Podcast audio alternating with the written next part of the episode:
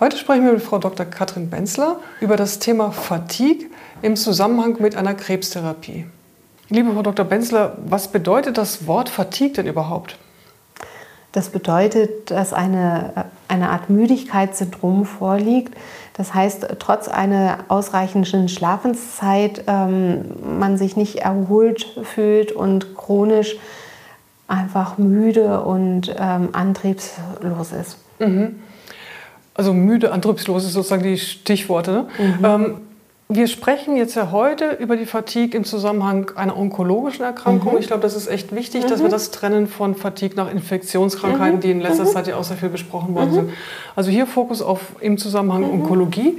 Und ähm, was sind denn so die typischen Symptome einer Fatigue? Die Patienten sind, wie gesagt, chronisch müde. Mhm. Sie ähm, bewältigen ihren Alltag häufig nicht. Ähm, Dinge, die ihnen sonst leicht von der Hand gelaufen sind, fallen ihnen unendlich schwer. Sie können sich ähm, schlecht aufraffen, irgendwo hinzugehen, mhm. alltägliche Dinge zu erledigen. Ähm, sie haben manchmal auch Gedächtnisstörungen, mhm. was sehr lästig sein kann.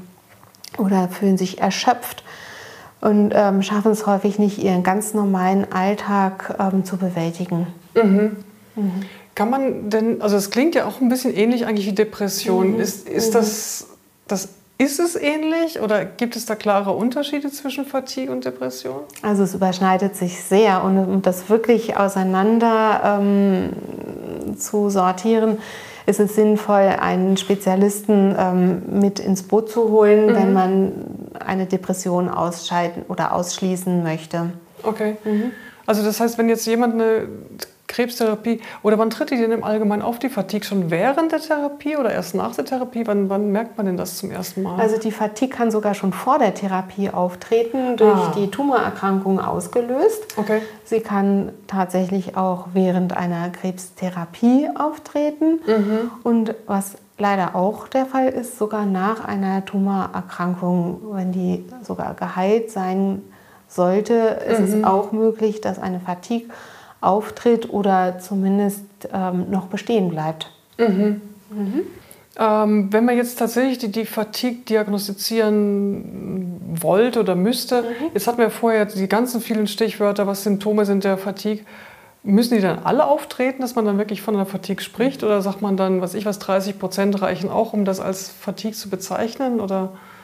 Das sind halt diese klassischen Symptome, wenn ja. zum Beispiel äh, trotz ausreichender Nachtruhe diese Unausgeschlafenheit auftritt, ähm, diese Antriebslosigkeit, chronische Müdigkeit, ähm, Ruhebedürfnis gehört dazu, ähm, dann ist es eigentlich schon relativ klar, dass mhm. eine Fatigue vorliegt. Mhm. Okay. Mhm.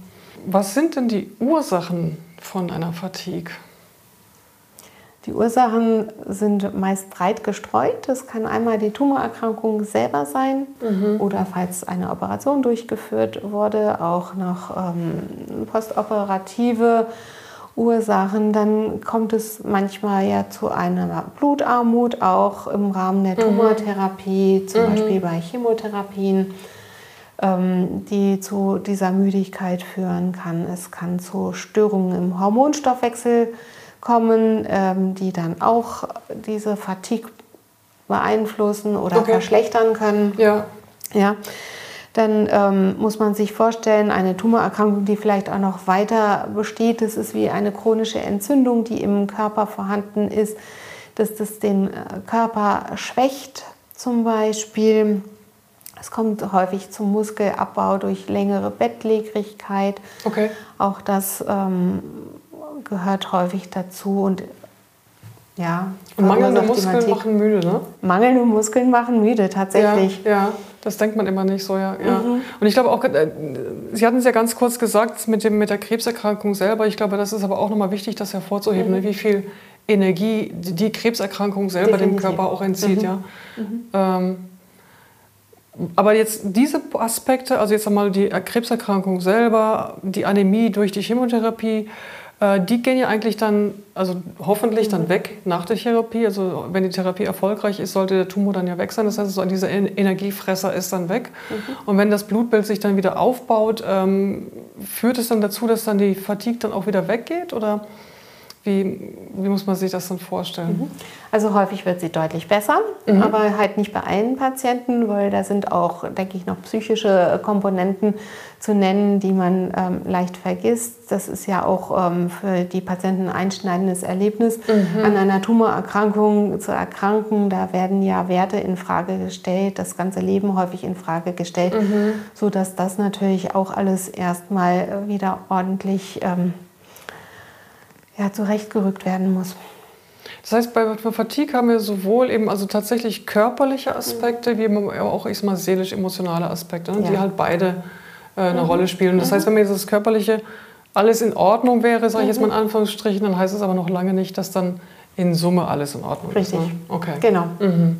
Gerade bei der Diagnostik ist es, also jetzt gerade, wenn man Fatigue, jetzt hatten wir gerade gesprochen über Depression, Ähnlichkeit und so weiter und so fort. Ich glaube, das ist ja auch etwas, was Patienten als sehr frustrierend erleben. Ja? Mhm. Äh, gerade Patienten, die vorher blühend im Leben standen, alles Mögliche gemacht haben, plötzlich nur noch schlapp in der Ecke sitzen. Und ähm, ich glaube, für solche Patienten oder ich sag mal generell ist es ja dann wichtig, eine eindeutige Diagnostik zu haben und zu sagen, das ist jetzt was ist denn jetzt die Problematik und, und, und äh, mit einer Diagnostik kommt man ja auch immer weiter und dann weiß man auch, was man als nächstes tun soll. Ja? Äh, von dem her die Frage, kann man den Fatigue tatsächlich eindeutig diagnostizieren? Bestimmte Aspekte der Fatigue kann man ähm, diagnostizieren. Da geht mhm. es zum Beispiel darum, diese Blutarmut zum Beispiel mhm. auszuschließen mhm. oder auch zu therapieren, zum Beispiel indem man Bluttransfusionen verabreicht. Dann gibt es auch die Situation, dass gewisse Hormone ähm, im Ungleichgewicht sind oder äh, niedrig ähm, sind, sodass man diese auch ersetzen kann, in mhm. Tablettenform zum Beispiel. Ähm, auch bei Schlafstörungen kann man daran arbeiten, dass ähm, der Schlaf wieder effektiver wird, zum Beispiel.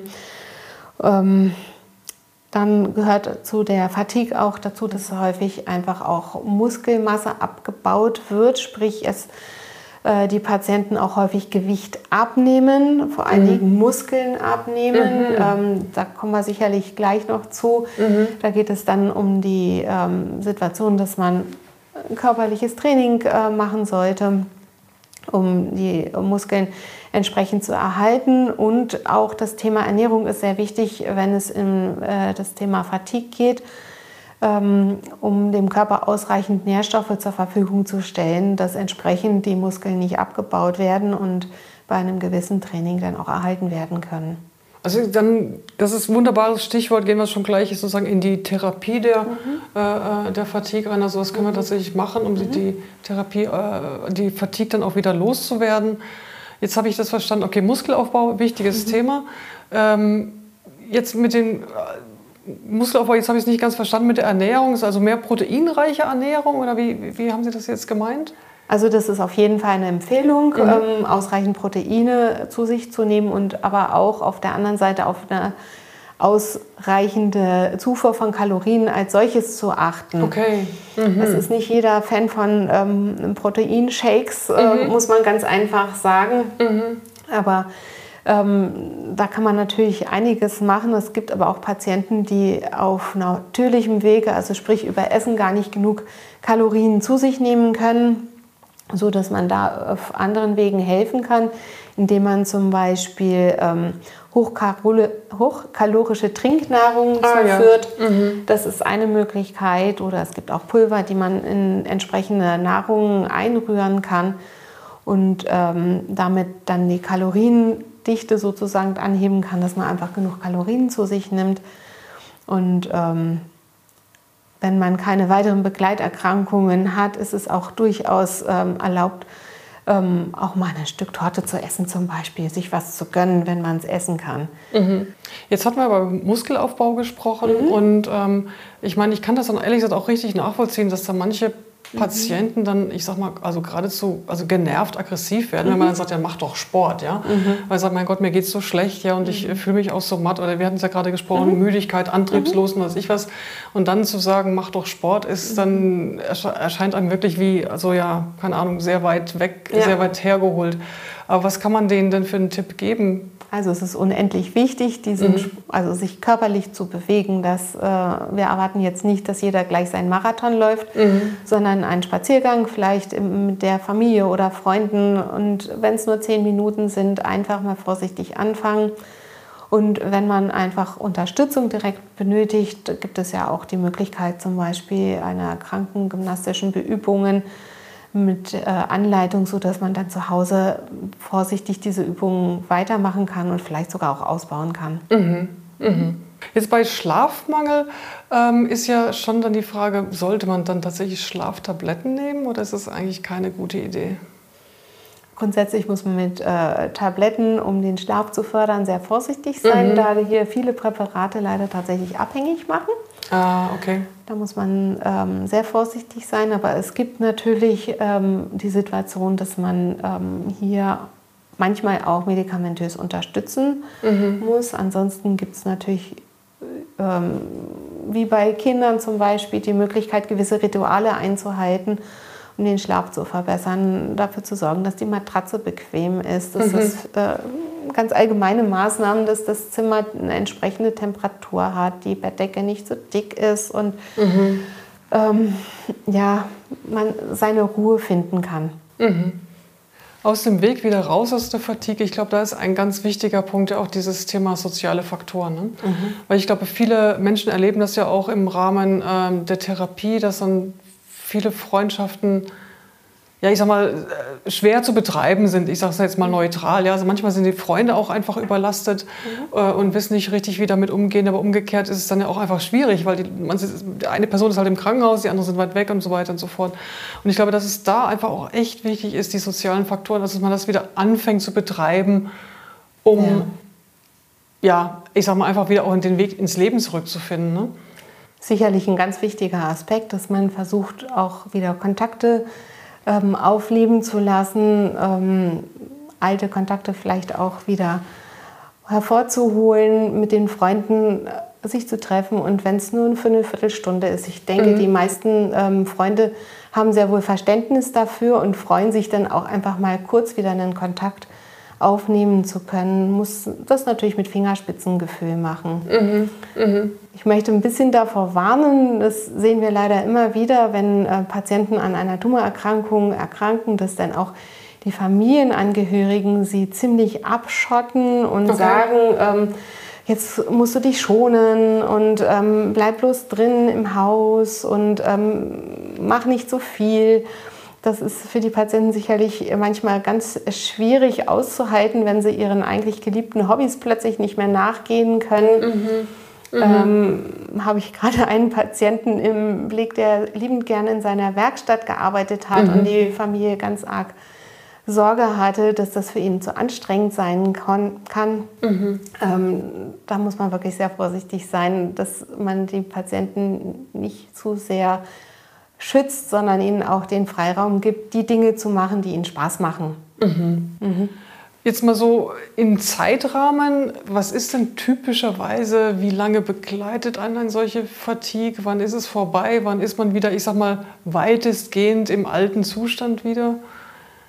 Tja, das ist eine sehr individuelle Antwort, muss ich sagen. Das mhm. sind Patienten, die tatsächlich an einer Tumorerkrankung erkranken und fast kein Fatigue haben. Okay. Es gibt Patienten, die wirklich schwer betroffen sind, schwer leiden und ähm, aus, einer tiefen, aus einem tiefen Loch ähm, im Prinzip wieder sich nach oben arbeiten müssen. Da dauert es häufig auch tatsächlich lange Zeit. Es kann, kann Wochen sein, es kann Monate sein. Also es gibt auch einzelne Patienten, die tatsächlich äh, längerfristig, also vielleicht auch sich nie wieder richtig erholen können und in den Zustand äh, kommen wie vor der Chemotherapie oder vor der Tumorbehandlung als solche. Mhm. Das ist häufig auch Behinderungen, die durch die Tumorerkrankung selber ausgelöst werden. Aber es gibt natürlich auch ähm, Nebenwirkungen, die ähm, durch die Behandlung verursacht worden sind, ähm, sodass es manchmal tatsächlich eine dauerhafte Einschränkung mhm. bleiben kann. Also wenn jetzt ähm, Patienten lange betroffen sind mit Fatigue, mhm. dann können sie sich, also die kriegen ja nicht nur Unterstützung von den Medizinern, sondern die haben ja dann auch Unterstützung noch von den Psychoonkologen mhm. und äh, Sozialarbeitern oder wer kommt noch alles dazu? Wer, wer, wen können die noch alles dazu holen, um sie zu unterstützen? Also wir empfehlen auf jeden Fall bei jeder äh, Krebserkrankung das ganze Team im Prinzip vorzustellen. Mhm. Dazu gehören tatsächlich die Psychoonkologen, die mhm. sehr gute Arbeit leisten, dann die Sozialarbeiter, die auch Beratung bezüglich ähm, sozialrechtlicher Fragen oder zum Beispiel Grad der Behinderung und so weiter ähm, helfen können, das alles einzuordnen. Dann haben wir aber auch ähm, noch zusätzlich das Team der Ernährungsberater. Mhm. Ähm, hatten wir ja vorhin auch schon drüber gesprochen, über Ernährung ähm, bei Fatigue. Also auch die ähm, können da wirklich sehr wertvolle Hilfe leisten und sind in den größeren Häusern in der Regel immer vorhanden und können ähm, gerufen werden. Dann gibt es in vielen Häusern auch noch die Klinikseelsorger, die ähm, für viele Patienten ja auch unendlich wichtig sind und und das sind jetzt ja eben nicht nur für die christliche Religion, sondern wirklich sehr breit. Ne? Die sind also, sehr breit, genau. Okay. Da hm. haben wir häufig für verschiedene Religionen entsprechend mhm ähm, Kollegen, die dann zu den Patienten gehen können. Mm, das ist wunderbar. Mhm. Und wer organisiert das jetzt alles? Muss der Patient das selber organisieren oder, oder wer, wer hat die Hand darüber, dass dieses Team dann funktioniert? Das ist eine äh, gute Frage. Also das ist, denke ich mal, in jeder Klinik auch ein bisschen unterschiedlich oder mhm. auch in jeder Praxis. Es gibt ja auch Praxen, die ähm, Tumorpatienten behandeln und da ihre ähm, Leute haben, die entsprechend dann kommen. Häufig ist es so, dass die von der Pflege ähm, informiert werden. Mhm. Ähm, aber es ist auch ganz häufig so, dass wir vom Ärzteteam entsprechende Konsile ausstellen oder wenn wir merken, dass da tatsächlich eine Problematik besteht, ganz mhm. gezielt auf die entsprechenden Fachdisziplinen zugehen, wie zum Beispiel Ernährungsberater. Mhm. Genau, und zuletzt muss man sagen, ähm, viele Kliniken werden ja auch zertifiziert im Rahmen von ihren Tumortherapiemöglichkeiten. Ähm, okay. Und im Rahmen dieser Zertifizierung wird ganz zu Recht auch eingefordert, dass die Patienten entsprechend beraten werden. Ah, okay. Also das ist ein, im Rahmen der Zertifizierung muss das Krankenhaus oder die Klinik nachweisen, ja. dass dieses Team zur Verfügung steht. Ja.